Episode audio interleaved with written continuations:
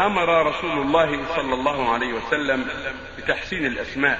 هل في ذلك شيء من التطير؟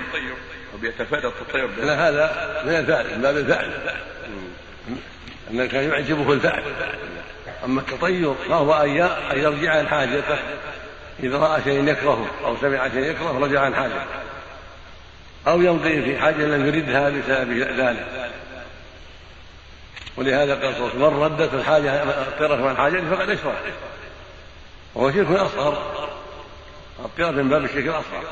وقد تكون شركا أكبر إذا اعتقد أن هذا المتطير به يتصرف ولا يتصرف في الكون دون الله أو أنه ينفع ويضر أو صرف له شيء من العبادة كأن يصرف شيء من العبادة لهذا الكوكب الذي يعتقد فيه المريخ أو ثريا أو كذا أو كذا أو صرف شيء من العبادة للحيوان الفلاني أو الصنم الفلاني أو الميت الفلاني صار من باب الشرك أما التشاؤم الذي يمضي في حاجة لم يردها أو يردها عن حاجته هذا شيء يجدونه في النفوس ولا اثر له في الحقيقة وهو من باب الشرك الأصغر.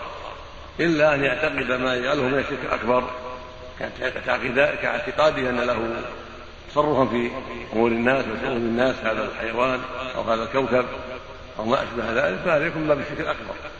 أو يصرف له بعض العبادة يكون من الشرك الأكبر.